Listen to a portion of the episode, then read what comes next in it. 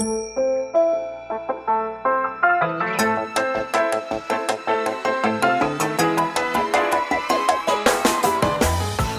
lieve luisteraars, welkom bij de Stories of Inspiration podcast van What's Your Story. De podcast waarin ik jou laat horen dat er achter ieder gezicht een inspiratiebron schuilt. En waarin ik jou heel veel tips ga geven over hoe jij meer naar buiten kunt treden met jouw authentieke verhaal. Heel veel plezier met luisteren en na afloop ben ik onwijs benieuwd wat je ervan vond. Stuur me een berichtje via Instagram als je wil reageren, als je vragen hebt of als je jouw verhaal ook zou willen delen. Veel plezier met luisteren!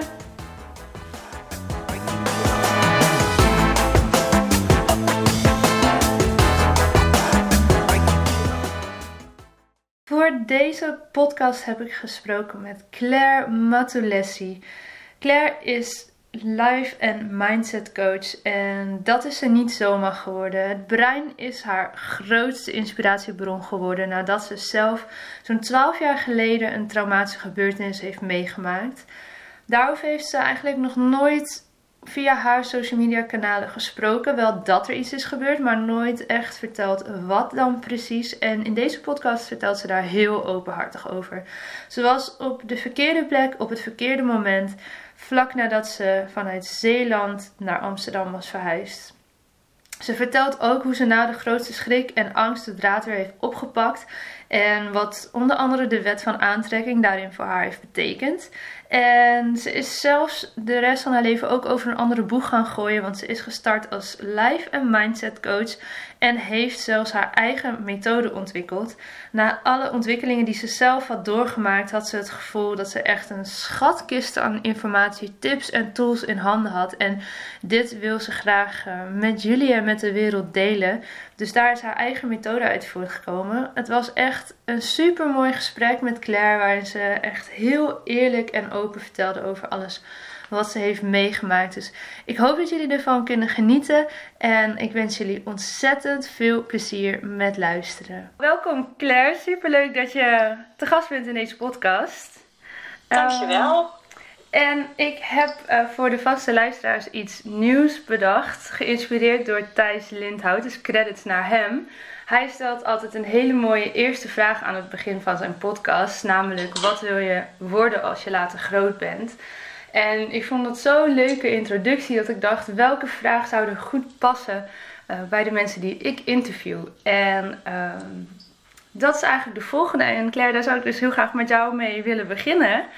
Uh, voor de luisteraars, we spreken elkaar via de telefoon, dus het geluidsverschil kan een beetje aanwezig zijn, maar ik denk dat dat voor de inhoud van dit gesprek niet uitmaakt. Um, dus ja, mijn eerste vraag voor vandaag is: wie is jouw grootste inspiratiebron geweest tot nu toe? Dat is een hele goeie. goeie en mooie vraag. Um, en uh, nou ja, als ik, kan, als ik ga nadenken over een inspiratiebron, ja, dan denk je al gauw aan een bepaald persoon in je leven. Van, oh, wie heeft er dan op mij heel veel indruk gemaakt? Of van wie heb ik heel veel mhm. geleerd? Of wie heeft me veel inspiratie gegeven? Um, en um, het gekke is dat, ik, dat het bij mij niet... Ja, ik zou heel cliché iets kunnen noemen, maar... Um, als ik nu zeg maar terugkijk, dan dan is het voor mij niet per se een bepaald persoon waar ik heel veel inspiratie uit gehaald heb. Zeker als ik nu kijk naar wie ik nu ben. Ja. Dan is dat grotendeels geweest door de zoektocht die ik zelf uh, ben aangegaan eigenlijk, met mezelf. Ja. Dus ja, de, de, de, inspiratie die ik heb gebruikt eigenlijk voor mezelf, dat... Uh, is de inspiratie geweest uit bepaalde gebeurtenissen uit het verleden. Ja. Um, de uitdagingen in het leven noem ik het maar even. Mm-hmm. En um, die hebben mij geïnspireerd uh, om eigenlijk te kijken naar, naar de toekomst, naar, naar hoe ik het anders wil. En, um, en wat eigenlijk dan mijn grootste inspiratiebron is geweest de afgelopen jaren, dat is dan toch wel het brein. het, ja. Gewoon het menselijk brein.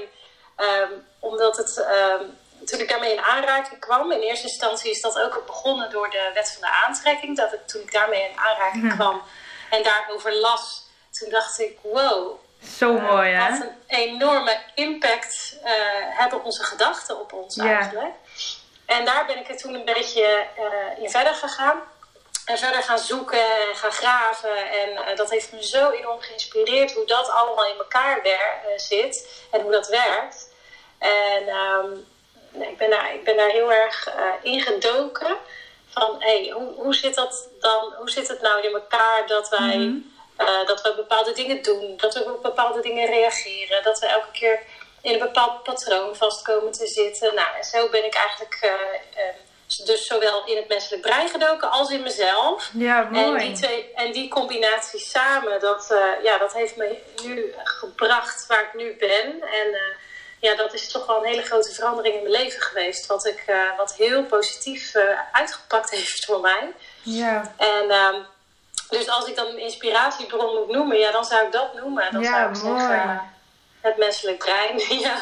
Cool. Nou, dan ga ik je zo zeker nog wat meer vragen over stellen. Want je begon net eigenlijk je verhaal uh, over dat er een aantal gebeurtenissen zijn geweest in je leven die jou uh, nou ja, hebben geïnspireerd en dingen Ja. in gang hebben gezet. Wat voor gebeurtenissen heb je het dan over? Ehm, dat zijn eh, natuurlijk de, voornamelijk de, of natuurlijk, um, de, de minder leuke gebeurtenissen um, uh, zijn dat. dat is denk ik bij iedereen wel zo. en in mijn geval zijn dat verschillende gebeurtenissen in een vrij korte tijd geweest. Mm-hmm. ik ben altijd wel een gevoelige persoon geweest, dus ik, ik kan me snel dingen aantrekken. maar de, ja, een aantal jaar geleden, toen, uh, toen zijn er toch wel uh, ja, wat vervelende dingen uh, gebeurd. En, is er, is er een van die dingen waar je je comfortabel genoeg bij voelt om een voorbeeld te geven? Ja, zeker. in eerste instantie um, heb ik altijd, um, wat ik zeg, ik ben, ik ben altijd wel een gevoelig persoon geweest. Ja.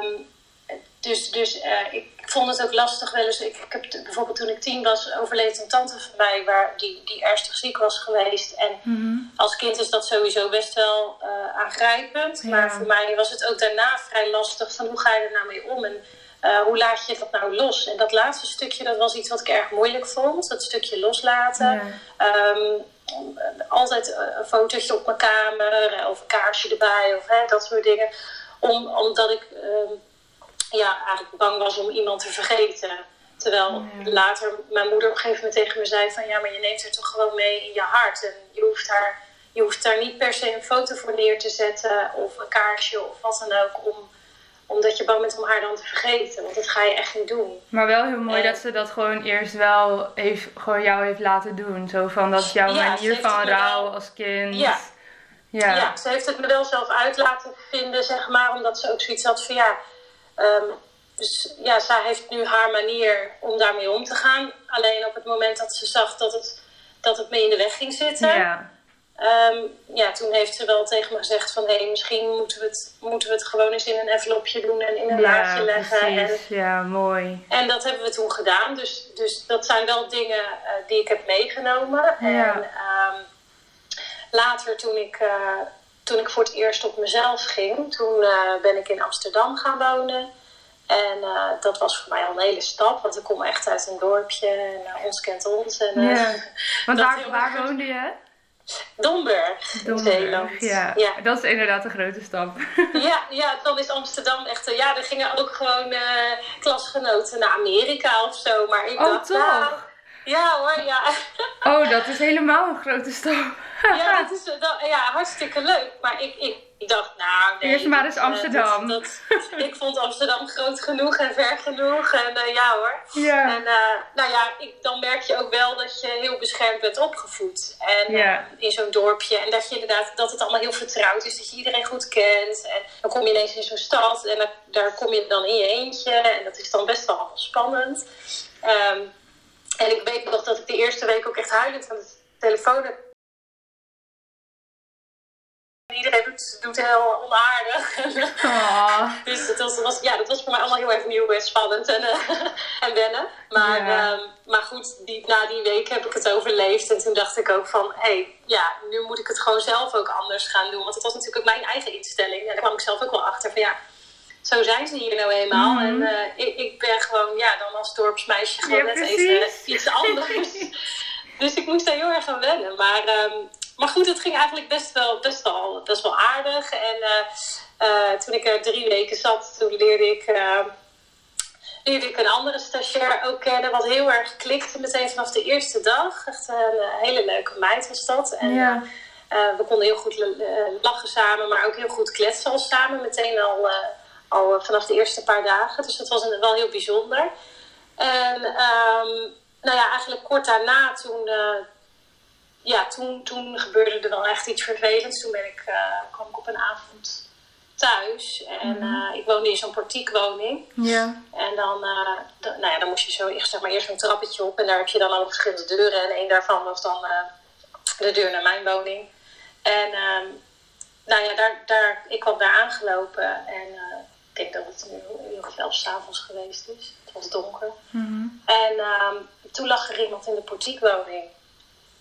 En in eerste instantie schoot er even iets door mijn hoofd van... Oké, wat is hier gebeurd? Is iemand niet goed geworden? Eh, eh, ja, je, weet het niet. Nee. Je, je hebt echt even geen idee wat er dan op dat moment door je heen schiet. Maar ja, op dat moment flitste er wel door mijn hoofd van... Ja, misschien is er iemand niet, niet ja, onwel geworden Ja, of zo. precies, eh, ja. in, in een portiekwoning. Dus ja, ik dacht, ik, ik heb daar even staan twijfelen onderaan die trap van wat ga ik doen. Maar ik denk, ja, als iemand echt onwel is geworden, dan moet ik gaan kijken, dan moet ik gaan helpen. Dus Ja. toen ja, ben ik toch de trap opgelopen. En ehm, ja, toen kwam die omhoog. Toen eh, kwam die, eh, kwam, een- het was een man en eh, die lag in de portiekwoning en die kwam zo omhoog met eh, in beide handen een mes. Oh Kwam die, eh, god. op me af. En eh, ja, keek me recht in mijn ogen aan. Wat natuurlijk heel eh, heftig was. Wat eng. Ja, dat was, nou, dat was het ook echt. Het was echt heel eng. Want op dat moment weet je ook niet hoe je reageert. Ik denk dat ik Nee. een seconde of twee volledig eh verstijfd eh, ja, hem ook recht in zijn ogen aankeek. Wat, Ja. wat, ja, dat beeld dat, dat was wel heel, eh, heel eng. Eh, zo die twee messen op je af en die, die ogen die je recht aankijken. Ehm, en gelukkig, ja, na die, die twee seconden, toen dacht ik, ik moet rennen, rennen, rennen, rennen. Dat is het enige wat ik dacht, weg, ik moet Ja. hier weg. En dat, dat is ook gelukt. Ik ben ook gaan rennen en eh, tot, nou ja, einde van de straat. En ik ben de hoek omgerend en ik weet nog, mijn tas viel van me af. En ehm, ja, ik stond gewoon te hyperventileren. En eh, ja, ik was zo enorm geschrokken. En ehm, nou ja, daar stond eigenlijk een jong stel en die vroegen ook meteen van, eh, gaat het wel en wat is er met je? En eh, nou, toen Ja, nou, het ging nog- du- duidelijk niet. Nee. nee, het ging helemaal niet. Nee, en dat zagen zij ook. Dus zij, en ik kon ook amper iets zeggen. Dus toen zei ze, nou weet je, kom even mee naar binnen. En zij woonde daar ook Oh, toevallig ja. net daarboven aan het hoekje van de straat. Met een balkon eigenlijk. eh, net de straat in waar, waar ik woonde. Ja. En toen hebben zij me heel lief meegenomen. Echt, eh, echt, dat was echt fantastisch. Die hebben me zo lief opgevangen. Die, eh, die hebben meteen de politie gebeld. En eh, ik mocht daar zo lang blijven als nodig was. En nou ja, ik ondertussen toen mijn vriend gebeld. En mijn moeder gebeld. En nou ja, goed. Eh, dus eh, toen heb ik daar gezeten. En eh, nou ja, goed, verklaring afgelegd. En allemaal. Ja, ja, ben ik daarna nog terug geweest naar het huis. En zelfs met twee politieagenten voelde ik me zo verschrikkelijk onveilig daar. Kwam terug op die plek te zijn. En Ja. eh, eh, ja, toen heb ik mijn spullen gepakt en eh, toen zijn we weggegaan en eh, nou ja, politiebureau geweest. En daarna in het hotel waar ik werkte ben ik weer opgehaald. Mhm. En ehm, door mijn vriend, wat nu mijn man is. Ja. En ehm, ja, we waren toen al samen en eh, ja, we waren toen eigenlijk heel kort samen. En, eh, maar ik zeg wel eens tegen hem van, ja, weet je, hoe, hoe hij toen gereageerd heeft. En dat hij toen meteen die nacht nog eh, naar me toegekomen is. Ja, En, fantastisch. ja, dat ben ik nooit vergeten. En dat zeg ik toch wel eens hoor. Ja, maar je bent Dat zo kwetsbaar op dat moment. Nou, precies, dat is het. En ik voelde me zo onveilig. En dan ben je, Ja. heb je zo'n enorme behoefte aan, eh, aan- iets vertrouwds. En Ja. iets eh, wat veilig voelt. En ehm, ja, op dat moment waren dat eh, inderdaad mijn ouders of hij. Ja, snap ik. En ja, hij heeft me toen nog nog naar mijn ouders thuis gebracht en daar hebben we die nacht ook geslapen. Ja. En, ik was zo blij dat er iemand was. Snap Want ik.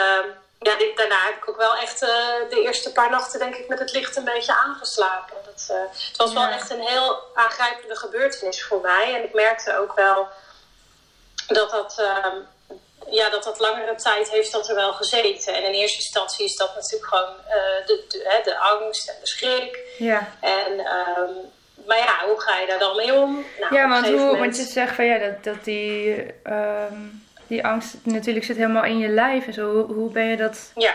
langzamerhand, heb je dat weer kunnen loslaten? Of hoe ben je daar dan nou mee omgegaan?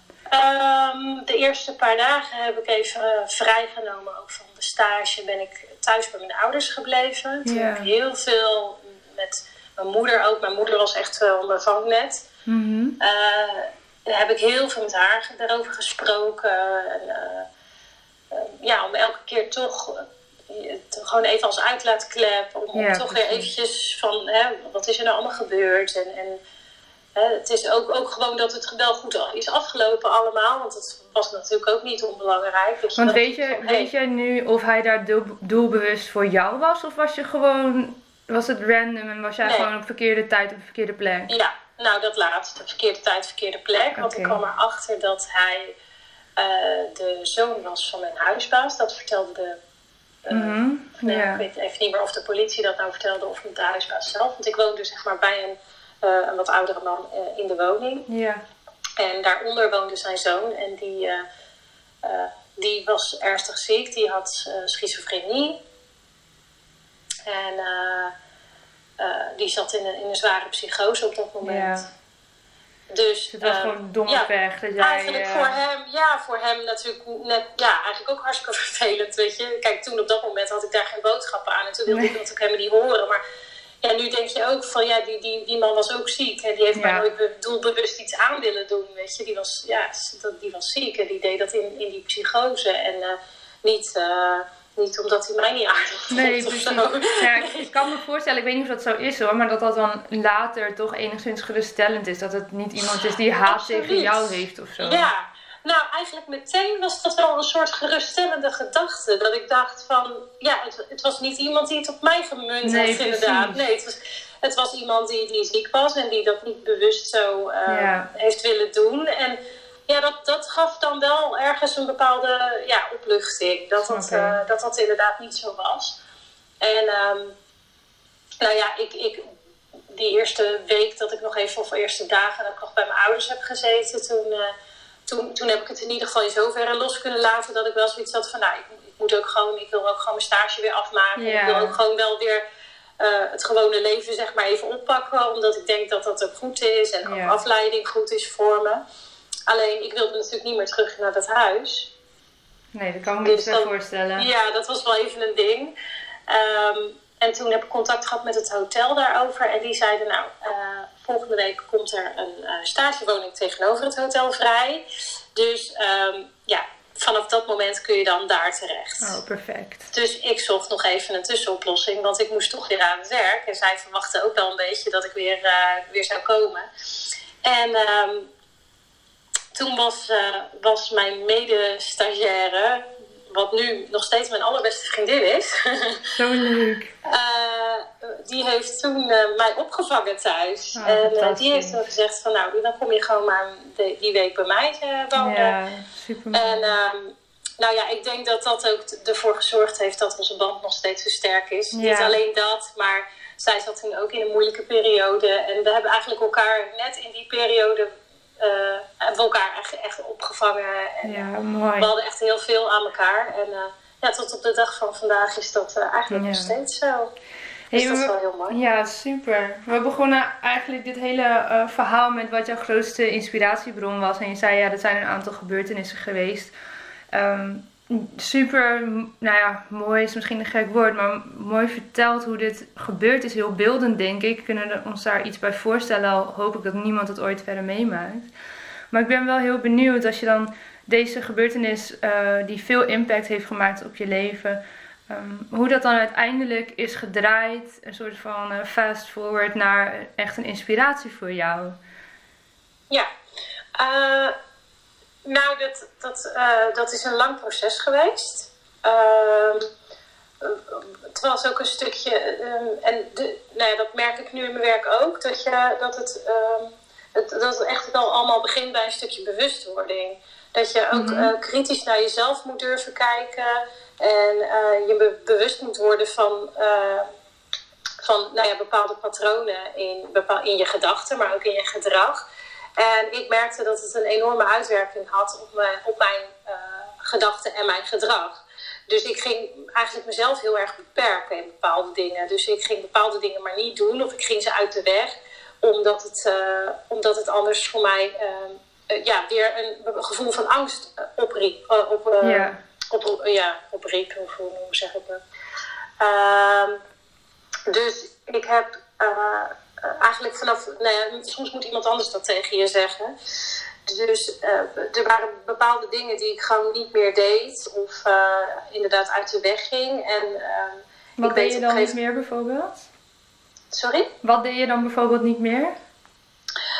nou, ik ging, ik zei bijvoorbeeld ook, ook ik, ik volg, ben daarna een studie gaan volgen en dan gingen klasgenootjes nog wel eens wat afspreken na, na schooltijd of, of in de avond. En uh, ik, ik, ging nooit mee, want ik dacht dan, uh, dan moet ik daarna alleen nog uh, naar ja, huis. Ja, en dan ja, kom ik in het donker thuis en dan ben ik alleen in het donker. En nou, dat allemaal van die al, ja, allerlei gedachten van ja, en wat dan? En ja, gewoon de angst. Gewoon puur angst voor ja, wat dan? En allerlei beren op de weg zien.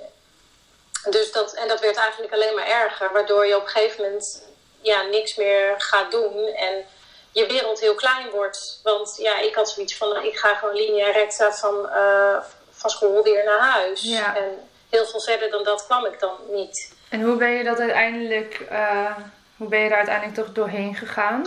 Nou, stapje voor stapje. Um, want mijn vriend zei toen van, hé, hey, ja, je, je, moet wel, je moet wel weer dingen gaan proberen ook. Gewoon en gaan doen. En uh, nou, daar had hij ook wel gewoon gelijk in. Ja. Want ja, inderdaad, mijn wereld werd ook heel klein. En ik, dat zag ik toen zelf ook wel in. En toen dacht ik ook van, oké okay, Claire, je hebt echt een schop onder je kont nodig. En je moet, je moet gewoon, ja, je moet ja. er gewoon, uh, je moet er wel doorheen. En je moet iets gaan doorbreken. En um, ja, dat is denk ik waar het heel erg om, om, om, om, om draait, sowieso. En voor mij toen ook. Dat je dat patroon gaat doorbreken. En dat hoeft niet in één keer... Uh, um, he, hoef je dat helemaal om te gooien. Want het, het zit ook inderdaad in je, in je systeem, in je lijf. Ja. Uh, dus ik ben dat heel, heel um, zeg maar, op het moment dat ik vond me heel onveilig en ik dacht voor mezelf ook van, maar hoe ga ik dan toch buiten die comfortzone weer, maar toch dat ik, dat ik me daar comfortabel bij voel. Um, dus ik ben eigenlijk van een oncomfortabele situatie, ben ik die zelf ja, comfortabel gaan maken. Dus uh, ik ben bijvoorbeeld wel dan met, met klasgenoten meegegaan. Ik ben wel s'avonds is weggegaan en dan, dan moest ik nog wel met de trein terug naar huis. Nou, dat, dat ging allemaal prima. En dan het stukje eigenlijk lopen, bijvoorbeeld mm-hmm. vanaf de metro naar huis. Dan moest ik toch nog een stukje daar lopen. Daar begon bij mij het stuk angst. Ja. Dat ik dacht, oh, dat stukje lopen, dat was toen ook bij die, gebeurtenis, hè, het stukje van mm-hmm. dat je het laatste stukje naar huis eigenlijk, dat was het spannendste. En toen uh, heb ik besloten van, oh, dan ga ik gewoon mijn moeder bellen. En dan heb ik iemand aan de telefoon en dan kan ik een beetje van me afpraten. En dat geeft een vertrouwd en een fijn gevoel. Dus dat ben ik gaan doen. En mijn moeder vond het ook helemaal prima. Dan uh, liet ik van tevoren al weten van... hé, hey, ik ga je zo even bellen, want ik moet naar huis lopen. En zei ze, prima, ik uh, zit er klaar voor. Ja. En, uh, en dan kletste we gezellig. En, ja, dat, dat was eigenlijk heel fijn. Ja. Want um, ja, dan had je toch het gevoel van... hé, hey, ja, ik ben, ik ben weer een beetje... ja, mijn wereld aan het vergroten. Ja. Maar dan wel op een, op een voor mij comfortabele manier. En... Uh, nou, op een gegeven moment doe je dat nog eens een keer en nog eens een keer. En uh, ik heb zelfs uh, op een gegeven moment tegen mijn moeder gezegd van... nou, ik ga het wel gewoon alleen proberen. Nou, vond ik het toch nog een beetje spannend. Ben ik toch met mijn telefoon in mijn hand ben ik gewoon hardop gaan praten tegen mijn telefoon. Zonder dat ik iemand aan de lijn had. Maar, maar dat ken ik wel hoor. Dat heb ik ook wel eens gedaan. Als ik dan ergens fietste... En dat je denkt van, nou, ik weet het niet hier, ik weet het niet hier. Dat ik gewoon deed alsof ik aan het bellen was. Ja. Dus ook, iemand heeft het ooit een keer gezegd dat dat een slimme truc was. Ik heb dat ook wel eens gedaan. Ja, toch? Om, ja, terwijl ik helemaal niet zo'n gebeurtenis heb meegemaakt hoor. Dus niks ten nadele daarvan. Maar wel dat ik dacht van, oh, dit geeft gewoon een soort van signaal af van... Ik heb iemand aan de lijn, dus als je mij nu iets doet, dan weet gelijk iemand dat. Ja, precies. nou, dat is het. Het is gewoon voor het idee. Ja. Het is ook... Het is ook gewoon meer voor jezelf. Dat het jou gewoon dan op dat moment net even een fijner gevoel geeft.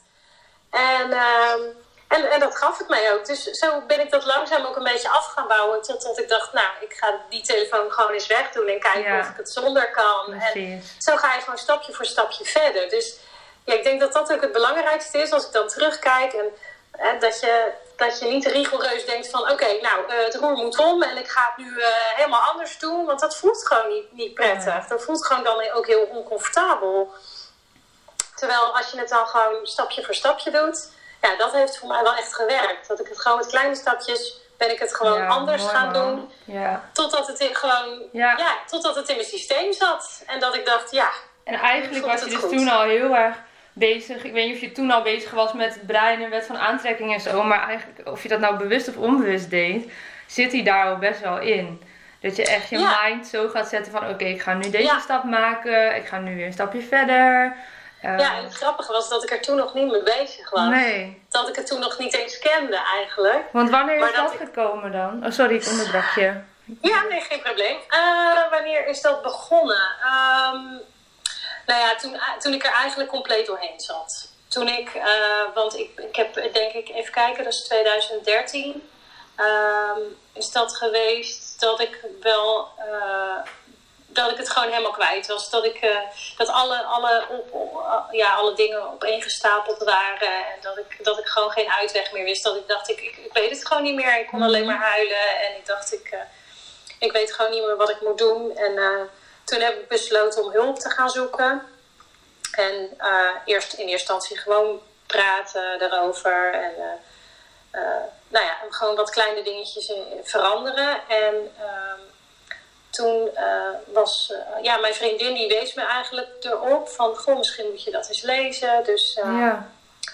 Eh, toen heb ik de boeken, eh, want zij verkocht ook wat, boeken, toen ben ik ze van haar gaan kopen. En toen had ik zoiets van, nou, ik ga er eens aan beginnen. En eigenlijk al heel snel merkte ik van, oh ja, dit is, ja, dat klinkt heel stom, maar het is eigenlijk voor iedereen wat. Maar ik dacht, ja, dit is echt iets voor mij. Ja, ja, ja, ja. En, en eh, ja, omdat ik gewoon ineens begon te beseffen van, hé, hey, ja, ik, ik heb, ja, je doet het jezelf ook aan, zeg maar. En dat is aan de ene kant heel confronterend. Maar aan de andere kant dacht ik van, maar dat kan je ook dus iets heel moois brengen. Want je kunt het er zo ook inderdaad helemaal gaan veranderen Precies. voor jezelf. Ja. En ehm, waardoor het vanaf nu gewoon alleen nog maar beter wordt. Ja. En, en dat werd het ook, want ik ben daar toen nog meer eh, naar op zoek gegaan. En ik had een, eigenlijk na die boek ook zoiets van: ik wil, ik wil meer eh, eh, op zoek gaan, inderdaad, naar hoe, hoe de- nou, dat hele brein in elkaar werkt, of in elkaar zit. En ik, wil, eh, ik, ja, ik wilde gewoon alles van weten, want ik, ik had ook zoiets van: ik wil. ehm, ik, ik, qua therapieën en zo, qua praten, ja, ik vond het heel prettig om met mensen erover te praten, maar ja, het, bracht me nog niet waar ik wilde zijn. En ik had het heel sterk het gevoel dat, ehm, dat een verandering van mijn mindset dat wel zou doen. En daarom ben ik daar echt naar op zoek gegaan. En eh, omdat ik wist van, ja, daar, daar ligt iets voor mij. En ik wist toen nog niet wat. Maar er ligt iets voor mij wat, mij, wat mijn leven wel echt kan gaan veranderen. En eh, ik ben mezelf daar ook helemaal in gaan trainen. Ik, ben, ik, ik heb mezelf eigenlijk als een soort proefkonijn gebruikt.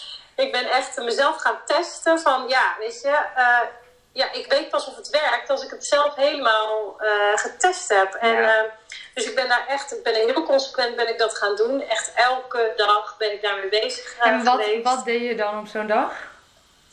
Eh, wat, ik, wat ik deed, je, ehm, nou, ik, ik ben echt mijn gedachten om gaan zetten. Ik ben me heel bewust bezig gaan houden van wat, wat denk ik nou allemaal op een dag? En eh, wat voor gedachten zijn dat? Zijn dat negatieve gedachten? Zijn dat positieve gedachten? Ehm, eh, hè, oordeel ik veel? En Mhm. en ik kan je vertellen, dat is best wel confronterend.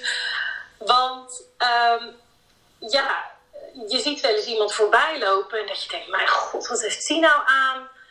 Ehm, ja, en ik denk dat we dat allemaal wel herkennen. En ik, ik zeg Ja. ook helemaal niet dat dat slecht is. Alleen ja, dat, dat doe je dus gewoon automatisch zonder dat je het zelf in de gaten hebt. Terwijl het wel een bepaald oordeel is. En Ja. iemand voelt zich daar misschien hartstikke happy in. Ja, En die voelt zich niet fijn in een spijkerbroek zoals ik dat misschien lekker vind. En die voelt zich misschien niet fijn in, in een jurkje of een shirt of een weet ik veel. En die heeft dan een of andere gewaad aan, noem ik het maar even. En die voelt zich daar gewoon mega happy in. ja, En dan denk ik, waarom kan ik dan niet denken van wow, wat tof dat iemand dat gewoon aan heeft. En inmiddels kan ik, kan ik wel zo denken. Ehm, en natuurlijk betrap ik mezelf er ook nog wel, wel eens op dat ik bepaalde eh, gedachten heb. Dat ik denk, oh jee, ja, Ehm, maar eh, ja, je merkt wel dat, dat je heel snel toch inderdaad oordeelt. En dat je toch eh, snel een negatieve gedachte over iemand, iets of iemand hebt. En dat ben ik gaan veranderen. Ehm, En Dus hoe, ik ben- hoe ben je dat dan gaan veranderen? Want dat vind ik interessant. ja.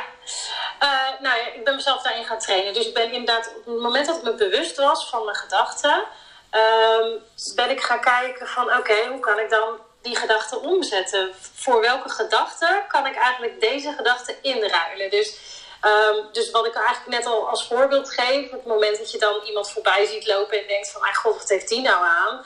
Ehm, kun je ook denken van, hé, hey, ja, maar die persoon heeft ook eh, gewoon een bepaalde reden misschien waarom die dit aan heeft. Die vindt dat heel mooi of die vindt het heel fijn zitten. Of... En ergens is het ook gewoon super stoer dat die persoon daar gewoon scheid aan heeft wat een Ja. ander daarvan vindt. Ja, En ehm, dan ga je ineens van ehm, de gedachte ehm, ja, van een soort nou ja, afgunst wil ik niet zeggen, maar ja, toch een, een, een, een, een bepaald een oordelend, Een oordeel. eh, ja, een bepaald oordeel wat je over iemand hebt, kun je ook eens, die verandert dan eigenlijk naar een bepaalde bewondering voor wat iemand heeft eh, of voor wat iemand doet. En ik kan me En- voorstellen dat dat voor, zeg maar op straat bijvoorbeeld, dat dat best, eh, dat je dat nog heel duidelijk voor jezelf kan signaleren. Dat je die bepaalde oordelende gedachten hebt en dat je die gaat proberen om te buigen. Maar hoe was dat dan voor, je zei ja, ik zat zelf in de put. Ik kan Ja. me voorstellen dat dat voor jezelf ehm, best nog wel wat moeilijker kan zijn als het echt om de oordelen over jezelf gaan en de gedachten die, je, die Ja. jij hebt, ehm, die over jezelf gaan. Hoe was dat dan? Ehm, Hoe ben je daarmee omgegaan? Hoe ik daarmee om ben gegaan is dat ik ben gaan kijken waar die gedachten nou vandaan komen. Want ja, al die gedachten komen ergens vandaan. Als jij een heel slecht zelfbeeld hebt, of jij vindt jezelf altijd maar te dik, of eh, weet je, het komt ergens vandaan. En soms weet je zelf niet echt eens waar het dan precies vandaan komt. Maar ik ben wel voor mezelf uit gaan zoeken van waar komen bepaalde dingen dan vandaan? Of waarom kan ik dan eh, iets zo moeilijk loslaten? Of weet je, en ehm, dat merkte ik ook met, met eh, toen mijn zoon geboren werd. Dat was een, was een, ja, een huilbaby. Mhm. Ehm, wat, wat enorm zwaar was. En ehm, ergens denk ik ook wel, kijk, ja, dat, dat hij een huilbaby is, kan je niks aan doen. Maar ja, hoe ga je daarmee om? En dat, dat was voor mij heel lastig, want ik voelde me op dat moment, eh, ben ik ook zelf in een soort slachtofferrol gegaan, automatisch. Ja. Ehm, van, hè, oh ja, waarom heb ik dit nou weer of waarom overkomt mij dit? Mhm, en ja, tegelijkertijd had ik ook de gedachte van, ik wil er voor mijn kind zijn, maar ik kan niks voor hem doen. Dus je voelt je ook een beetje, ja, eh, alsof je gefaald hebt als moeder. Dus, terwijl ik juist heel perfectionistisch was daarvoor. Dus ik was ook juist heel erg van, ik wil het moederschap zo serieus mogelijk nemen. Ik wil het allemaal zo goed mogelijk doen. Maar ik streefde eigenlijk naar een soort van, ja, de perfecte moeder, wat natuurlijk helemaal niet bestaat. Ja. En ehm, eh, dat heeft me heel erg in de weg gezeten. Dus ik ben toen wel gaan kijken, ook vooral daarna eigenlijk. Want op dat moment zat ik er middenin. En toen, kon ik daar niet, was er niet eens ruimte in mijn hoofd om daarover na te denken. Maar eigenlijk op het moment dat ik met mezelf aan de slag ben gegaan, ben ik ook wel gaan kijken van... Hé, hey, ja, ehm, hoe ben ik daar nou mee omgegaan? En wat heeft me nou in de weg gezeten? En wat heeft er nou voor gezorgd dat ik uiteindelijk zelf... ehm, ja, dat ik er zelf aan onderdoor ging, zou ik maar zeggen. En eh, dat is ook wel inderdaad een stukje perfectionisme geweest, ben ik achtergekomen. Of een stukje, een heel groot stuk. Ehm, omdat ik ja, el- elke keer ja, aan het streven was naar iets wat gewoon totaal niet haalbaar was. En ben je dan ook nog voor jezelf op zoek gegaan naar die laag dieper waar dat perfectionisme, perfectionisme dan vandaan kwam bij jou? Ehm, ja, ook wel. En deels merk ik dat dat er gewoon ook altijd wel een beetje ingezeten heeft. Dus dat je daar niet per se altijd iets aan kunt doen. Dat dat ook niet erg is. Alleen uh, je kunt er misschien iets aan doen waar het vandaan komt. Maar je kunt het wel altijd veranderen. En daar ben ik inmiddels wel achter. Dus ook al is het een soort van karakterding, dan kun je wel zeggen: ja, nee, maar ja, ik ben gewoon zo. Ja, maar dat, is, dat komt niet overeen met wat de wet van aantrekking dan zegt, toch? Want die, daar, nee. nee, precies. Nee, want dat slaat nergens op. Want dat is, dat is niet zo. Je kan wel zeggen, ja, maar zo ben ik gewoon. Maar dat is niet zo. Want nee. ja, zo ben je ook gewoon uh, gemaakt of opgegroeid. Of, weet je. En het kan zijn dat er best wel iets uh, in je zit. Maar uh, bedoel, je hebt ook nog een genetisch iets wat meespeelt. maar ik, ik, ben wel van mening dat je dat, dat ten alle tijden kan veranderen. Want um, ik was, echt, ik was ervan overtuigd dat ik echt een geboren perfectionist was. Mm En um, ja, dat, dat, heeft, dat is ook jaren zo geweest. En het heeft me ook jaren eigenlijk enorm in de weg gezeten. Maar ja, niemand die me zei wat ik, hoe ik dat anders kon doen. En uh, totdat ik dit ontdekte. En, uh, en, en besefte van, hé, hey, maar als ik mijn mindset verander... dan, uh, dan kan het dus ook zomaar zijn dat ik dat ik ga streven naar hele andere dingen. En dat ik, met, ja. dat ik daar ook tevreden mee ben. Want op een gegeven moment, als je streeft naar perfectionisme, ben je dus ook nooit tevreden. Nee, nee, want het kan altijd wel weer beter. Het kan of altijd mooier, weer beter. Of sneller, of ja. Exact, ja. En, um, en daar, word je, daar word je doodongelukkig van. Ja. En dat is iets wat bij mij ook gebeurde. En uh, natuurlijk ook alle, alle omstandigheden ja, ja, ja. Die, zich hebben, die hebben plaatsgevonden. Maar in die omstandigheden helpt dat perfectionisme natuurlijk absoluut niet mee.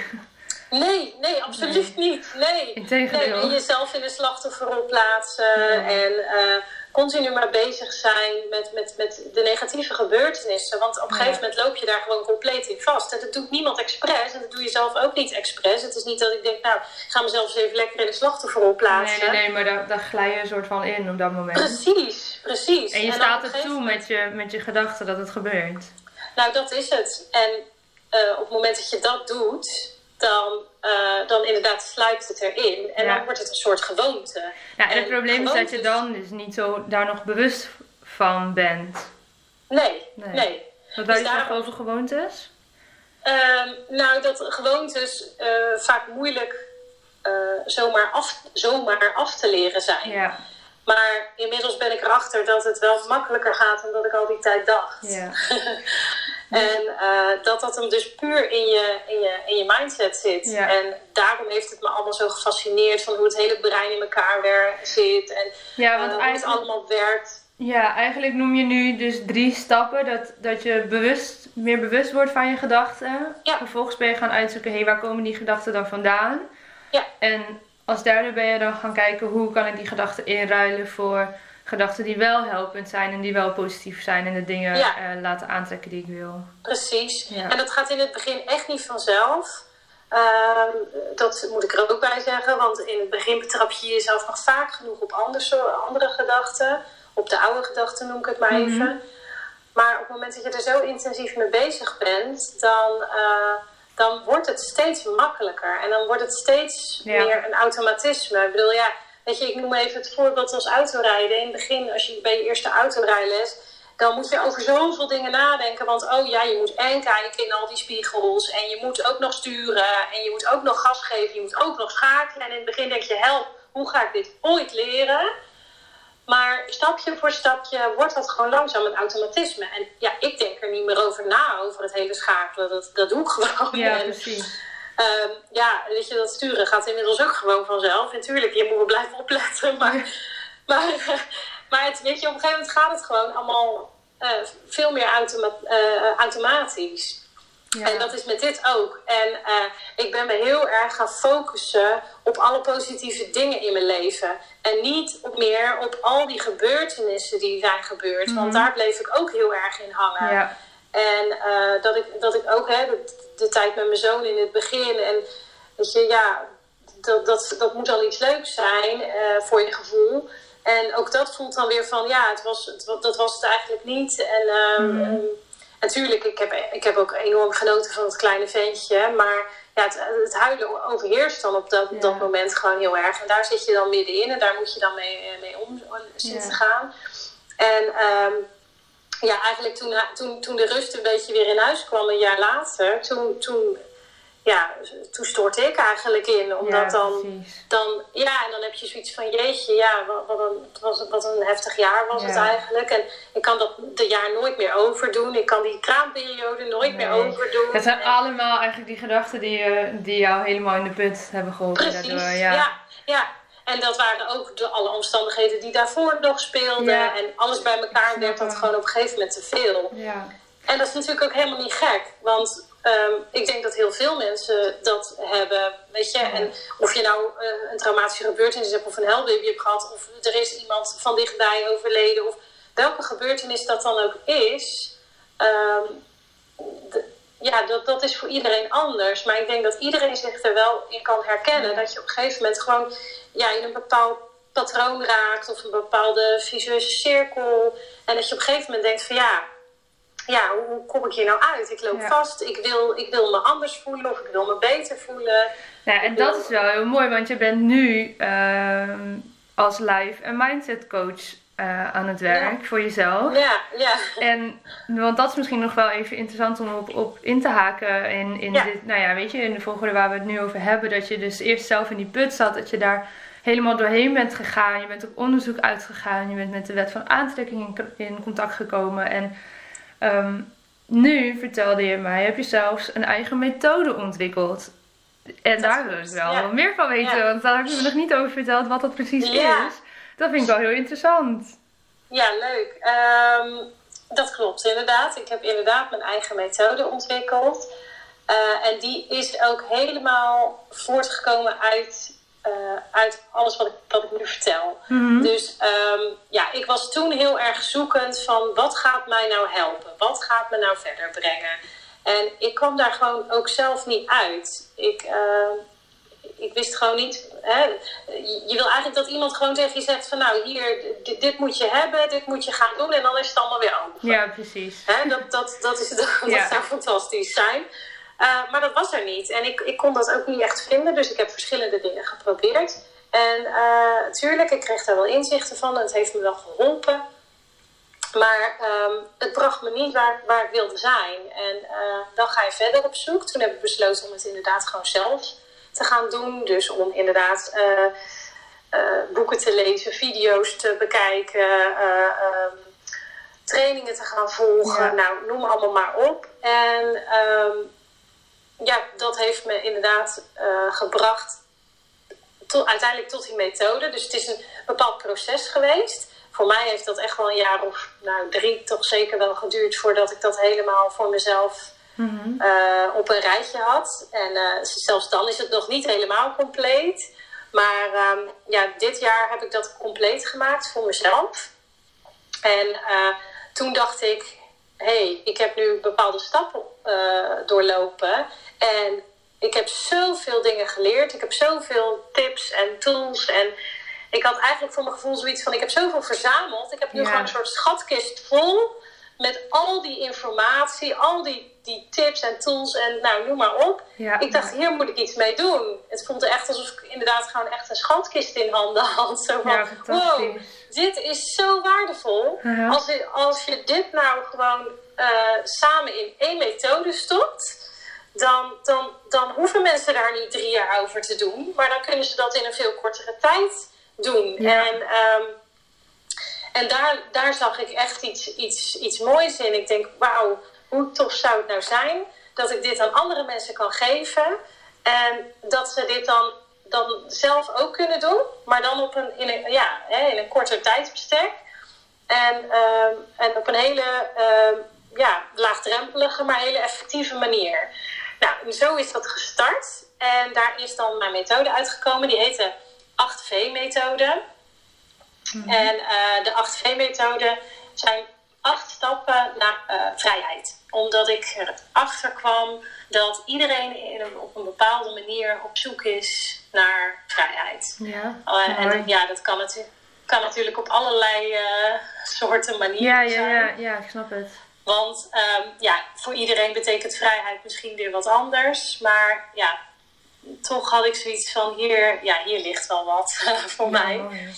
Dus um, uh, nou ja, die, die acht stappen, het zijn uh, dus ook elke stap heeft dus een, een, een, een, kernwoord met een V. Mm En um, al die stappen, die, uh, die hebben dus nu ook een, want het, er zit een programma aan vast. Dus elke stap heeft een bepaalde module waaraan je aan, uh, je aan de slag gaat met, met jezelf en met je mindset. Met het stukje bewustwording waar ik het net al over had. Dat is echt wel de eerste stap ook. Van, hè, waar, waar, waar kom je vandaan? Het grappige is wel dat hey, jouw bedrijf heet What's Your Story. En um, daar begint de, de nummer 1 van de methode mee. Van wat, de, de V van verhaal, dat is de eerste.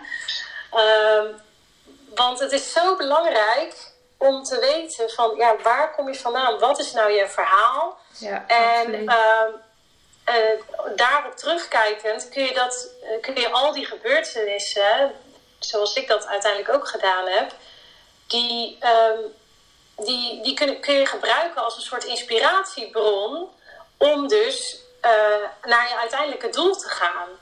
En in plaats van dat je er inderdaad in blijft hangen en dat je, dat je denkt van, oh ja, hè, allemaal vervelend. Ja, het, het, zijn soms hele aangrijpende gebeurtenissen en ze zijn soms heel vervelend. Maar ja, dan heb je wel de keuze voor jezelf van wat ga ik daarmee doen? Ja, blijf ik dan daarin hangen en blijf ik dan de rest van mijn leven, blijf me dat achtervolgen en blijf ik me daardoor dan ongelukkig voelen of ga ik me daardoor tegen laten houden en ga ik dan uiteindelijk niet het leven leven wat ik wil leven? Of ga ik het voor mezelf omzetten en ga ik het als inspiratie gebruiken en ga ik dan eindelijk gewoon de weg voor mezelf vrijmaken, letterlijk en figuurlijk. Ja. En uh, de dingen doen die ik, die ik altijd al wilde doen. En dat ik me dan gewoon, gewoon gelukkig kan voelen. En gewoon lekker kan leven zoals ik dat wil, op mijn manier, op mijn voorwaarden.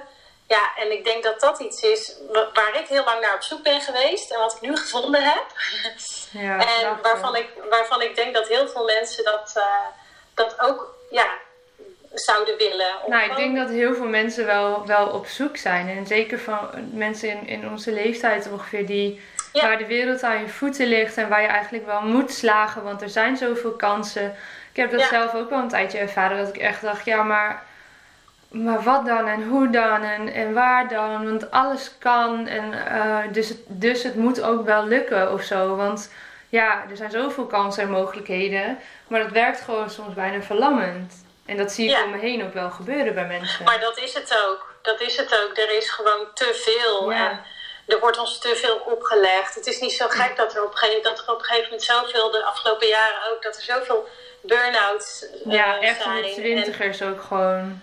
Precies, er wordt, ja, je, hebt ook, je voelt ook gewoon een bepaalde druk Ja. vanuit de maatschappij en alles wat wordt laten zien, ook op social media. Ja. En, ehm, d- dus het is, het is niet zo gek, want je, je moet ook van alles eh, maar hebben. Je moet een, een, een, een fantastisch leven hebben, je moet de perfecte relatie hebben, je moet ook nog eens een bruisend sociaal leven hebben, je moet een mooie baan hebben, je moet goed geld verdienen. En op een gegeven moment voelt iedereen zo die druk. Ehm, en, en ja, dat, dat maakt natuurlijk uiteindelijk dat je denkt van ja, eh, maar het lukt niet. Of, of ik loop erin vast. Ja. Of, ja, en heb je, dat is heel heb je een, een tip ehm, om die druk iets voor jezelf te kunnen ver- verlagen? Want zonder helemaal die, heel die methode in te duiken, maar dat Ja.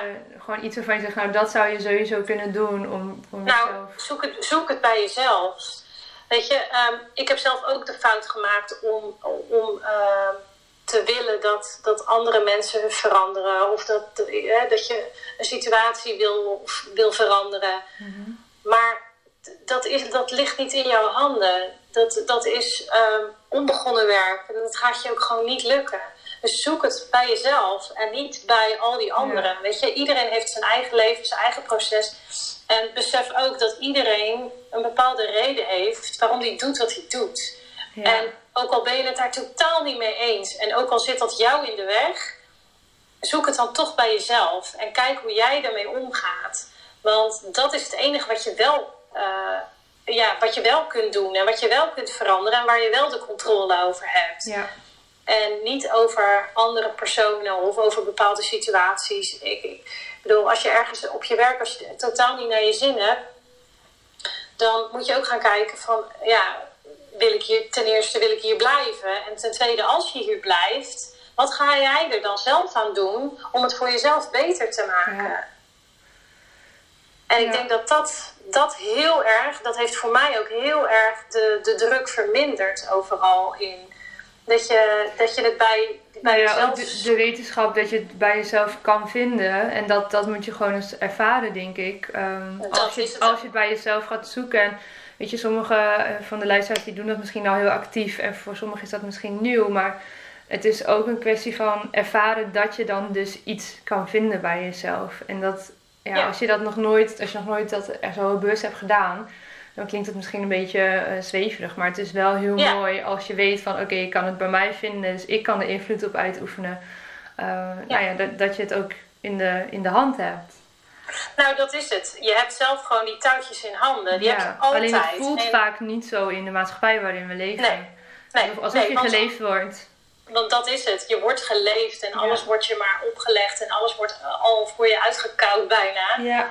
Ehm, maar ja, het, het is een stukje inderdaad sowieso dicht bij jezelf blijven. Wat dan heel moeilijk is, in, inderdaad, uh, in zo'n maatschappij.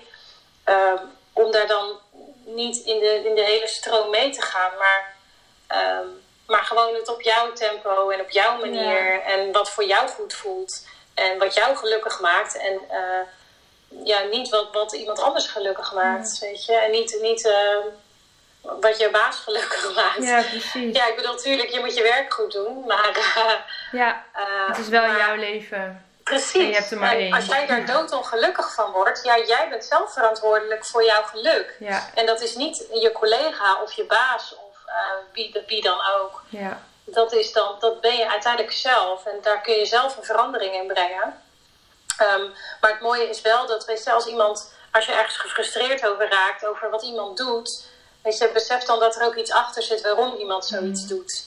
En dat geeft dan zoveel rust, dat je weet van, weet je, het ligt niet aan mij dat iemand zo doet. Weet je, iemand heeft daar een bepaalde reden voor. Ja, en, precies.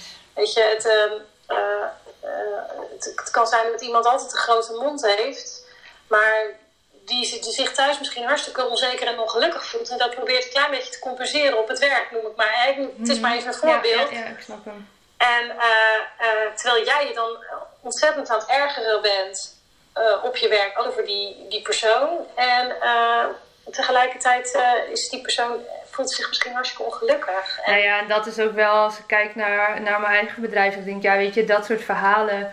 Hoe mooi is het dat dat gewoon al is het onderling aan elkaar bij de koffiemachine verteld wordt. Want het zorgt voor zoveel meer begrip. Misschien zit die man of vrouw inderdaad met problemen thuis. En tuurlijk, ja. je niet alles gelijk op tafel te gooien. Maar al weet je maar alleen, hé, hey, er is thuis iets aan de hand en het gaat niet zo lekker. Alleen dat al dat kan voor begrip zorgen. En dat, weet je, dat uh, als je degene bent die, er, die ergert, dan heb je daar misschien, je kan er een keer naar vragen en verder heb je daar geen invloed op. Maar als je het merkt bij jezelf van hey, ik zit niet lekker in mijn vel en ik merk dat mijn collega's daar misschien wel eens last zou kunnen hebben, van zouden kunnen hebben. Dat het zo dapper en stoer eigenlijk is om dat even te laten merken van hé hey jongens, ik wil niet alles op tafel gooien, maar ik wil wel even laten weten dat het gewoon even niet zo lekker gaat. En uh, sorry als ik een beetje grumpy ben, maar laat me maar even. Of uh, ik zou het fijn vinden als je gewoon uh, af en toe even vraagt hoe het gaat. Of weet ik veel. Dat je echt aangeeft hoe het met je gaat en wat je verhaal is. Ja, dat vind ik heel mooi. Gewoon bespreekbaar maken. Ik denk ook dat dat, dat dat wel echt de kracht is. En dat heel veel mensen daar nog wel moeite mee hebben. Om uh, over dingen te praten. En daarom vind ik het heel mooi wat jij doet met uh, What's Your Story. Dat je juist inderdaad ook, ook de, oh, juist een verhaal bespreekbaar maakt. Uh, want ik, ik, ik weet nog dat, of heel veel mensen toen mijn website klaar was, daar heb ik ook een deel van mijn verhaal heb ik dan gedeeld op mijn website. En toen mijn website klaar was, kreeg ik allemaal reacties van... Hé, maar ik wist helemaal niet dat jij je zo gevoeld hebt ooit. En dat jij... Ja. Ja. En dan denk ik, ja, of dat is niks voor jou toch? En ja. uh, ik, vond, je vind jou altijd zo'n sterk iemand. En dan denk ik, ja, maar het lijkt altijd maar aan de buitenkant. En, uh, Weet je, ik heb, ik heb er toen ook voor gekozen om maar een beetje gewoon masker op en doorgaan. Mhm. Maar, um, dus heel veel mensen hebben dat ook helemaal niet aan je gezien. Of die, die, hè, die weten dat dan niet. Maar ondertussen heeft dat wel allemaal gespeeld in mijn leven. en ik heb ervoor gekozen om dat toen allemaal niet openlijk te delen. En nu uiteindelijk wel, omdat ik nu ook daar de kracht van zie. Daarom ja, vind ik het ook mooi om aan deze podcast mee te ja, werken. Je moet er soms ook eerst zelf doorheen, of meestal eigenlijk, moet je er eerst doorheen en een stukje verder zijn voordat je, zeker als het echt zo'n traumatische gebeurtenis is, voordat je daar de, uh, de waarde van weer kan delen. Want op het moment dat je er middenin zit, dan zie je dat nog niet. Dan ben je aan het overleven. En dan is het natuurlijk mooi als je dat masker niet te hoog, uh, of die muur niet te hoog optrekt en dat masker af en toe kan laten vallen. Maar voordat je echt je hele verhaal kan vertellen en kan vertellen wat je eraan hebt gehad, wat je ervan hebt geleerd, ja, dan ben je vaak ook gewoon maanden, soms wel jaren verder. Ja, ja bij mij is dat inderdaad nu wel eh, een kwestie van jaren geweest. Omdat ik juist in de afgelopen jaren me zo ook ontwikkeld heb. Qua, persoonlijke ontwikkeling. Ja, en nu heeft je verhaal ook echt een meerwaarde voor mensen. Terwijl als je er nog middenin zat en je alleen maar kut voelde, ja, dan is het alleen maar de shit die je op tafel legt. En dat, daar hebben uh, mensen niet zoveel aan, even nee, lullig gezegd. Ja, weet je, en dat is op dat moment ook wat er in je omgaat. Dat je denkt, ja, ik ga dit allemaal niet aan. Weet je, er zijn heel veel mensen die, die wisten het niet eens. En ehm, ja, op dat moment heb je toch altijd een beetje de gedachte weer van: ja, ik ga dat niet vertellen, want ik, wil, ik heb geen zin in medelijden. Of uh, wat zullen ze ervan vinden? Nee, maar het is wel belangrijk om wel het te vertellen aan de mensen om je heen natuurlijk. Je hoeft het niet gelijk allemaal uh, de hele wereld in te slingeren. Ik snap heel goed dat mensen dat niet gelijk doen. Nee. Um, of dat je er juist heel bewust voor kiest om, om nou, stel je, uh, je neemt volgers online mee in een proces. Oké, dat kan een keuze zijn, maar ja. Ja, ja, ja ik heb er, uh, ja dat kan nu, nu zie ik daar inderdaad ook wel een bepaalde waarde in. En uh, ja, toen, toen zag ik dat niet, maar toen was ik ook gewoon nog niet zo ver. En ik was toen ook nog een stukje jonger natuurlijk. En dan ben je nog met hele andere dingen bezig. Dus, ja, dat is ook zo. Dus, dus weet je, daar, daar groei je dan ook wel weer in. Ja. Um, maar ja, dan heb je... Ik, en ik denk dat heel veel mensen dat ook wel zullen herkennen. Dat je daar toch gewoon zelf ook weer beperkte gedachten over hebt. En denkt van, ja, weet je, straks uh, gaan, gaan ze er van alles van vinden. Of uh, vinden ze me zielig. Of ze vinden mijn aandacht trekken. Of uh, weet je, je hebt toch altijd bepaalde gedachten daarover. En dan heb ik, toen heb ik zoiets gehad van, nou, ik ga dat, ik ga daar, ik ga dat gewoon helemaal niet, uh, niet delen. En ja, tuurlijk, de, de, de mensen die, die dichtst bij me stonden, natuurlijk heb ik het daar wel mee gedeeld. Maar, um, maar ja, je, je hebt ook zoiets van, je, je vindt jezelf al gauw een beetje een aansteller of een aandachttrekker op het moment dat je het deelt. En nu zie ik dat het dan helemaal niet zo ligt. En dat het juist heel waardevol kan zijn om je verhaal met iemand te delen. Omdat heel veel mensen zich er gewoon in herkennen. En die hebben misschien niet precies hetzelfde uh, meegemaakt. Maar het kan maar net iets zijn wat erop leidt. En daarom, uh, hè, de eerste keer dat wij elkaar spraken, toen zei ik ook van nou, ik heb het bewust, heb ik het alleen maar algemeen gehouden bij een traumatische gebeurtenis bijvoorbeeld. En niet uh, exact genoemd wat er, wat er gebeurde of wat er gebeurd was. Um, uh, omdat ik zoiets had van ja, iedereen kan zich wel herkennen in een soortgelijke situatie. En meer over, uh, het ging meer ook over het, uh, ja, hoe ga je nou daarmee om?